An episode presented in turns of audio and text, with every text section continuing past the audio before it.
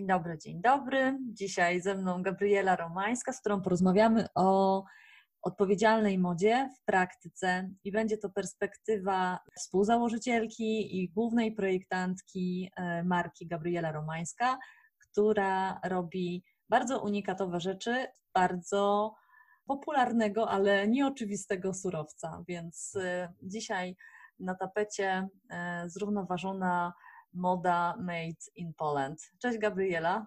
Witam. Powiedz nam na początku, mnie i słuchaczkom, co możemy znaleźć w marce Gabriela Romańska? W marce Gabriela Romańska na pewno możemy znaleźć ekologię, to na pierwszym miejscu. Potem technologię, ponieważ wszystkie nasze produkty powstają e, przy użyciu technologii druku 3D.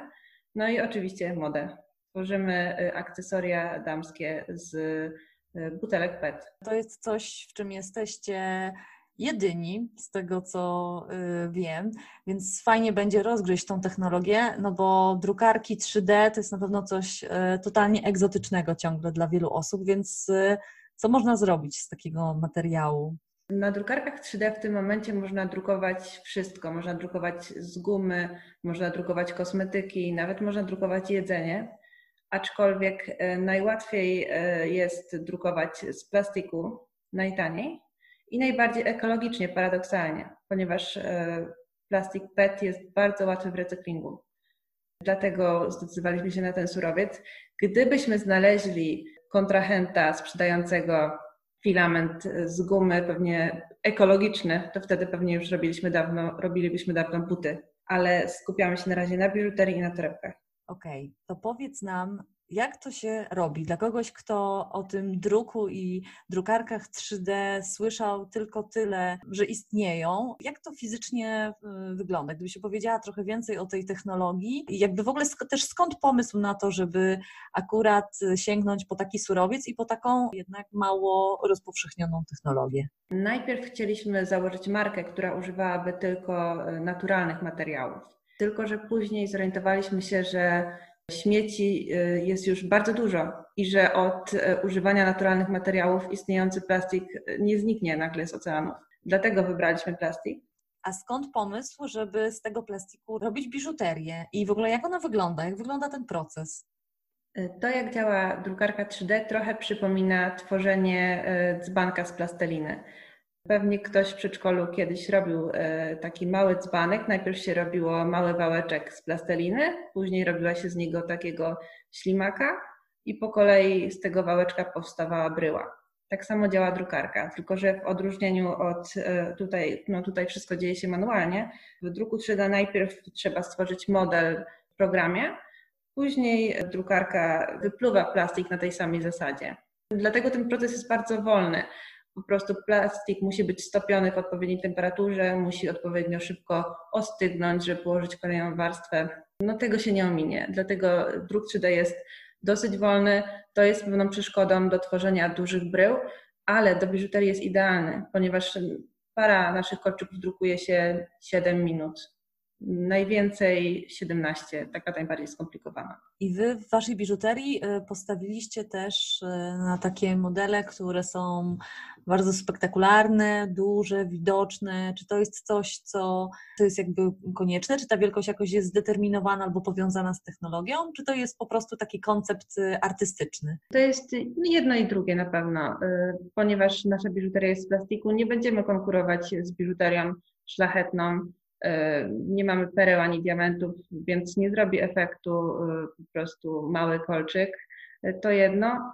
Po drugie, faktycznie ciężko jest wydrukować bardzo mały element. Jako projektanty zależało mi na to, żeby to był E, kolczyk, który stworzy całą stylizację, żeby był po prostu modowy, jeżeli już nie może być taki szlachetny jak perły. Mhm. Jeśli kolczyki powstają z przetworzonych butelek PET, w większości widziałam, że są w kolorze bezbarwnym albo białym. Jak wygląda w ogóle dodawanie koloru? Czy to jest możliwe?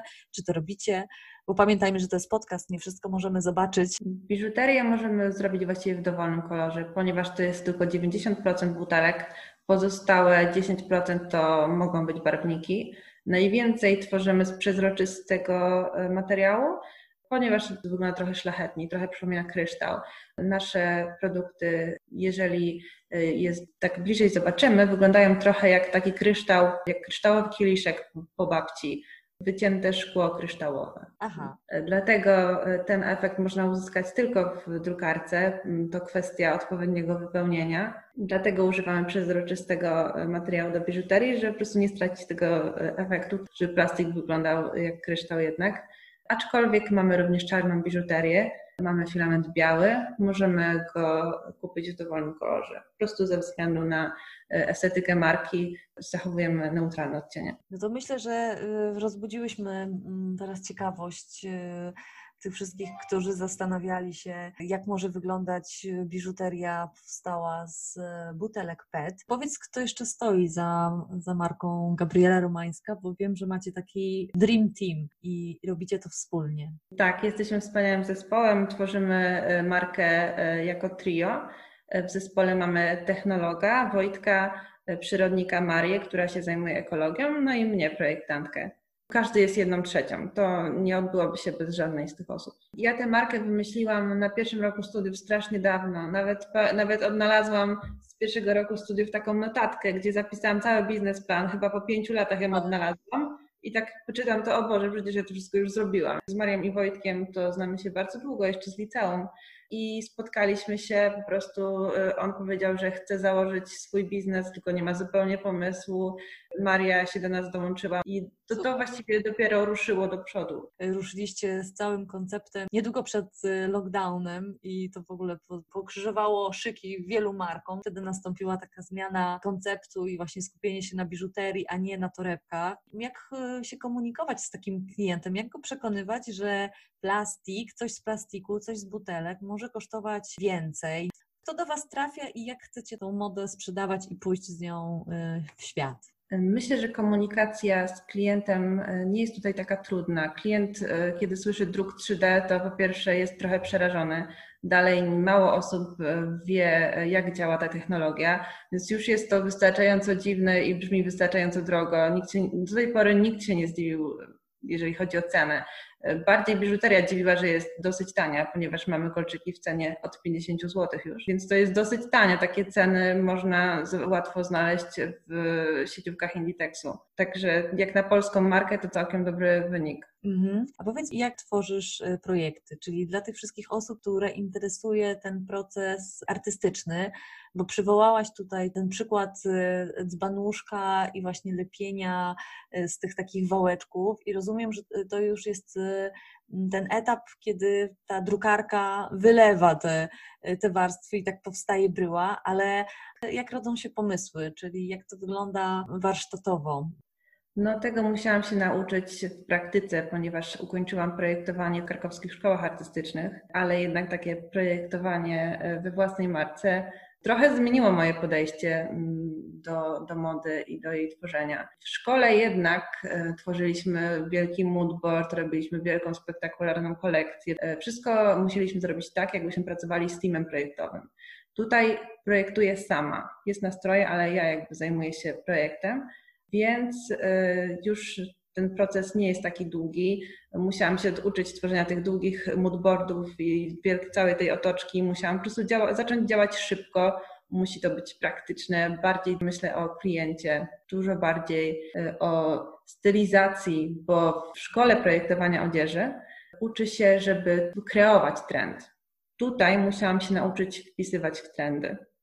I to przyszło dopiero w praktyce, dopiero w pracy. To zderzenie wyobrażeń z rzeczywistością, y, a już nie mówiąc o tym, kiedy y, pracuje się pod własnym logo i pod własną marką i odpowiada się też finansowo za wszystkie te decyzje, no to tutaj przychodzi strasznie dużo pewnie lekcji i też takiej pokory, jeśli chodzi o, o rynek. A powiedz y, jeszcze a propos ekologii i tego, y, tego konceptu wykorzystania butelek, gdzie na którym etapie twórczego życia i rozwoju pojawiła się taka myśl, że ta marka czy ta moda w ogóle, którą będziesz robić, to e, to to musi być w jakimś stopniu, nie wiem, zielone, zielone, odpowiedzialne. Padłam na pomysł y, z butelkami, z drukiem 3D już właściwie 5 lat temu, już na pierwszym roku studiów.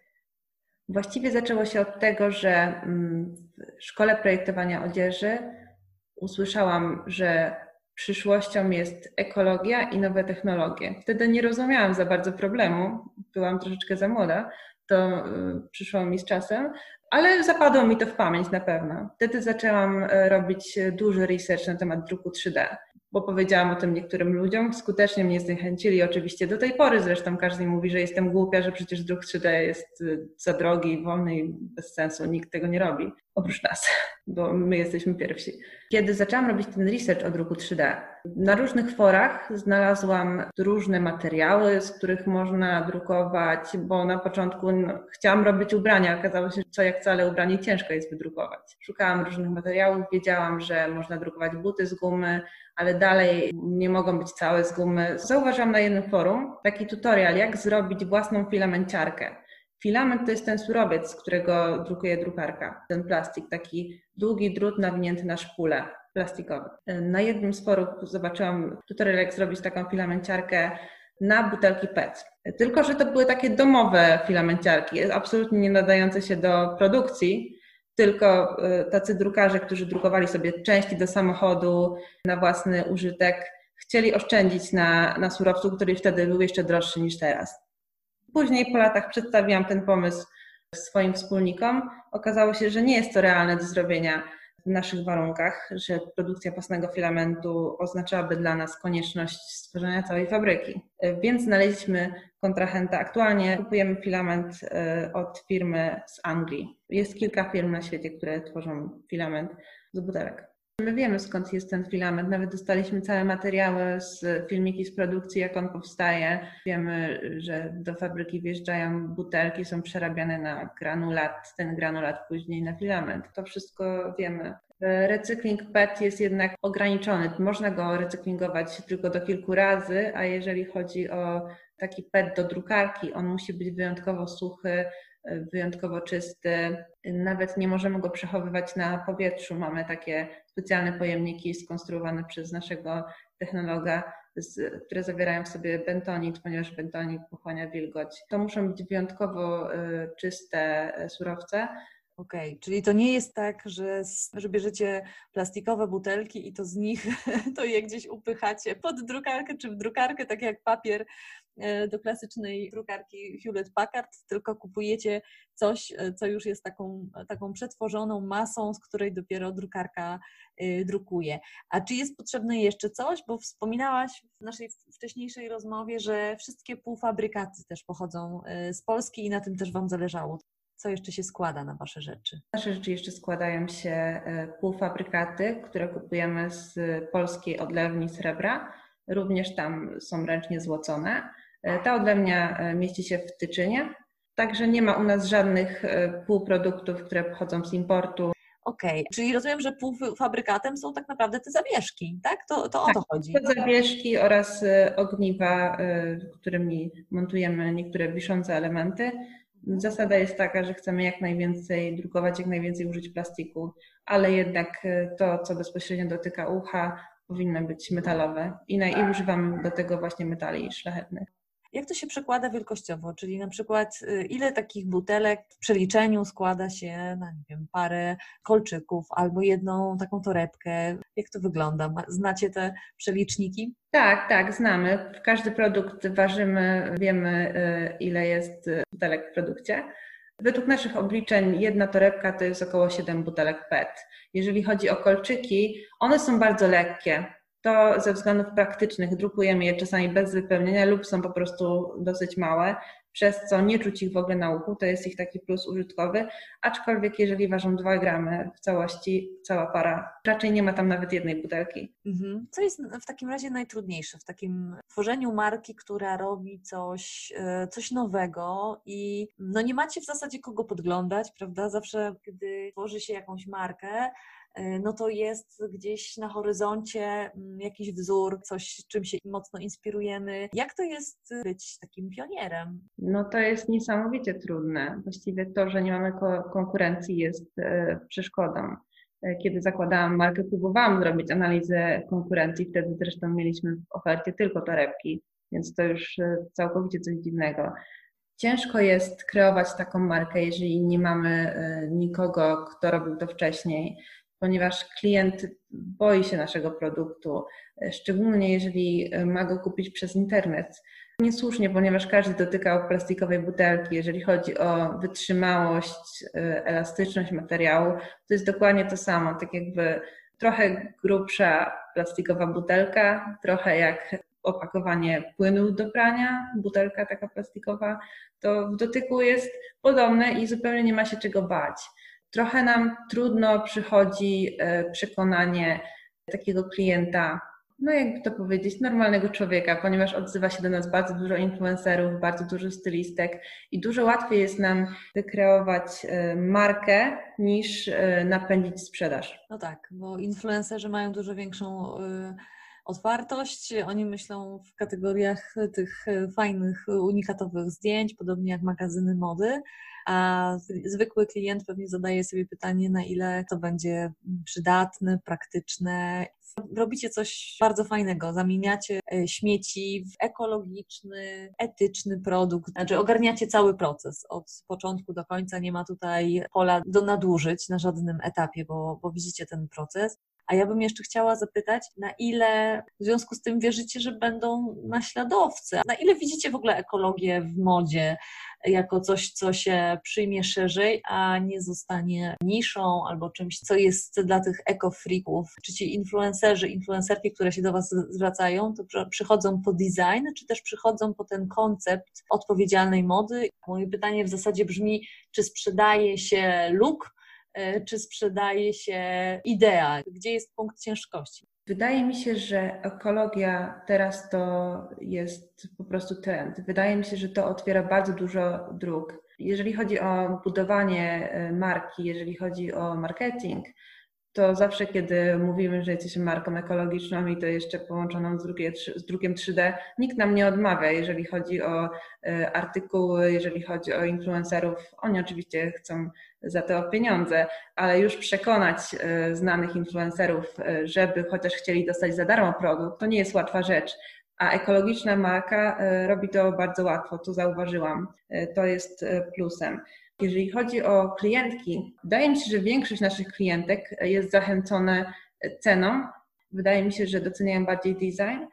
Mało jest takiego odzewu, że super, że jesteście ekologiczni. Bardziej jest, wow, nigdy nie miałam lżejszych kolczyków, zapominam, że je mam na sobie. To, to jest raczej komentarz klienta. Ja myślę, że to się będzie y, zmieniać, bo mm, inne przykłady pokazują, że czasem to klienci i klientki mają więcej tej ekologicznej świadomości niż same marki, więc to pewnie wszystko powoli się będzie wyrównywało, ale z drugiej strony to, co mnie też bardzo cieszy, to to, kiedy ekologiczna moda właśnie broni się designem. Ta ekologiczna moda wtedy się przyjmie, kiedy ona będzie budziła pożądanie i kiedy ona nie będzie no, jakimś takim old schoolem, nie będzie stara, nie będzie zapyziała, nie będzie e, nudna i mnie się wydaje, że Wasz przykład to jest coś super, bo y, to udowadnia, że ta ekologiczna moda to już naprawdę nie jest tylko i wyłącznie siermiężny len i takie właśnie ręczne robótki, tylko że to może być połączenie super nowych technologii, super wysmakowanego designu, więc mimo, że nie jest to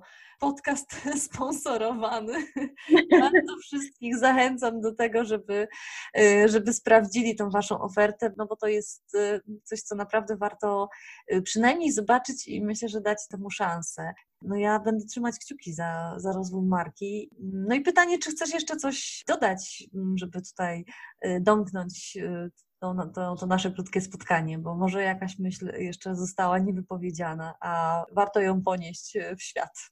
Chcemy być pierwszą marką, która w pełni wykorzysta e, potencjał druku 3D. Nikt wcześniej nie uwierzył w druk 3D na tyle, żeby wdrożyć go po prostu do produkcji. Raczej są to inicjatywy konceptualne, e, jest to prototypowanie, ponieważ prototypowanie w druku 3D jest bardzo szybkie. Nasze kolekcje powstają czasami w 20 minut, czasami produkt powstaje w godzinę najwyżej. 3D może być narzędziem e, do masowej produkcji nawet. Mogę śmiało e, założyć, e, że kiedyś będziemy mogli mieć bardzo dużą produkcję, jeżeli tylko będzie taka potrzeba. To oznacza, że można myśleć o tej technologii jakby w masowej skali, że w zasadzie przy super optymistycznych wizjach tak zwanego dynamicznego rozwoju marki, wy nigdy nie będziecie musieli się przenosić na jakąś e, inną technologię, tylko absolutnie można tworzyć z tego masowy, ekologiczny produkt y, na dużą skalę, tak? Tak o tym mogę myśleć? Tak, jeżeli tylko masówka może być ekologiczna, oczywiście dalej trafiamy tutaj do klienta świadomego i jeżeli produkt klientowi się znudzi, może nam odesłać go do ponownego recyklingu. Nawet jeżeli ten plastik już nie będzie się nadawał do recyklingu w drukarce 3D, y, możemy go przerobić na różne inne sposoby, na przykład odlać coś z niego. To jest bardzo dużo sposobów, ale jeżeli ktokolwiek zechce wyrzucić nasz produkt, może nam go dosłać z powrotem. My się nim zajmiemy i w odpowiedni sposób przerobimy. Super, to jest y, też totalnie fajna koncepcja i marki idą teraz w tą stronę, nawet marki odzieżowe, które proszą, żeby nie wyrzucać ich ubrań, ale dawać im drugą szansę, odsyłać je do nich, one, oni mogą je odsprzedać albo mogą je wykorzystać ponownie, więc y, świetnie, że można to zrobić też, y, też w ten sposób. Fantastycznie. No to aż chcę się powiedzieć, to ciekawe, dlaczego tak mało osób i tak mało firm i tak mało e, projektantów e, sięga po tą technologię. Chyba ciągle dlatego, że my sobie nie jesteśmy w stanie wyobrazić, jak to wygląda. No więc e, ja mogę tylko apelować o więcej filmików z produkcji i więcej jakichś backstage'owych nagrań i kulisów i może więcej osób sięgnie po tą technologię. No i zaoramy ten plastik na nowo po to, żeby zrobić z niego coś pięknego, fajnego i, no i trzymać się tej koncepcji obiegu mm, zamkniętego i właśnie sięgania po śmieci zamiast sięgania po nowe materiały, one muszą zostać stworzone, a tutaj po prostu sięgamy po coś, co już jest, no i będzie się rozkładało e, tysiące lat, więc e, niech lepiej zmieni się w coś, co co nam może trochę dać, e, dać radości. Bardzo, bardzo Ci dziękuję za tą rozmowę. Mam nadzieję, że paru osobom zaświeciły się oczy na ten nowy pomysł i no i kto wie, może urośnie Wam konkurencja. Dzięki jeszcze raz. Dziękuję bardzo.